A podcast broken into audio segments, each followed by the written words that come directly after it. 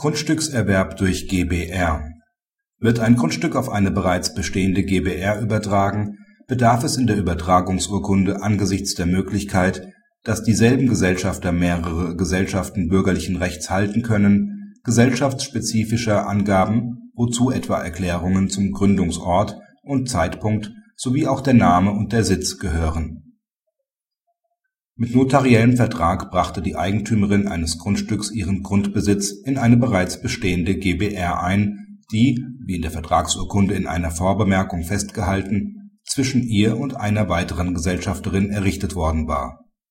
Als Gegenstand des Unternehmens wird das Halten und Verwalten von Grundbesitz angegeben.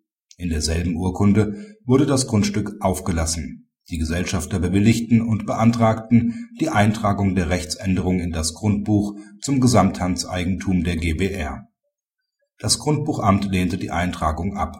Nach Auffassung des OLG München ist die vorgelegte Urkunde ungeeignet, mit der für Grundbucheintragungen notwendigen Bestimmtheit die Identität der Gesellschaft, an die das Grundstück aufgelassen wird und die als Eigentümerin eingetragen werden soll, festzustellen der Zweck des Grundbuchs, auf sicherer Grundlage bestimmte und sichere Rechtsverhältnisse für unbewegliche Sachen zu schaffen, erfordert klare und eindeutige Eintragungen.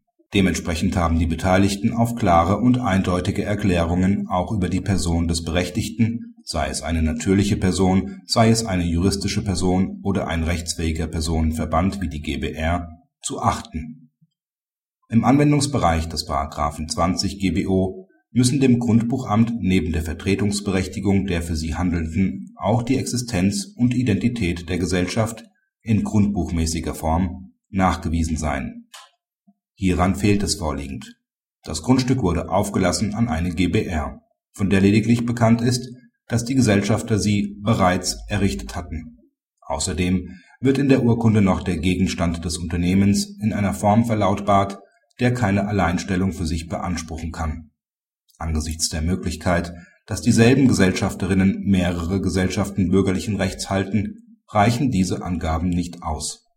Notwendig sind eindeutige, die Gesellschaft als unverwechselbares Rechtssubjekt identifizierende Angaben, wozu etwa Erklärungen zum Gründungsort und zum Gründungszeitpunkt, aber auch Name und Sitz gehören können. Praxishinweis Ein sicherer Weg ist stets den Gesellschaftsvertrag gleichzeitig mit dem Grundstücksübertragungsvertrag in der Form des § 29 GBO abzuschließen.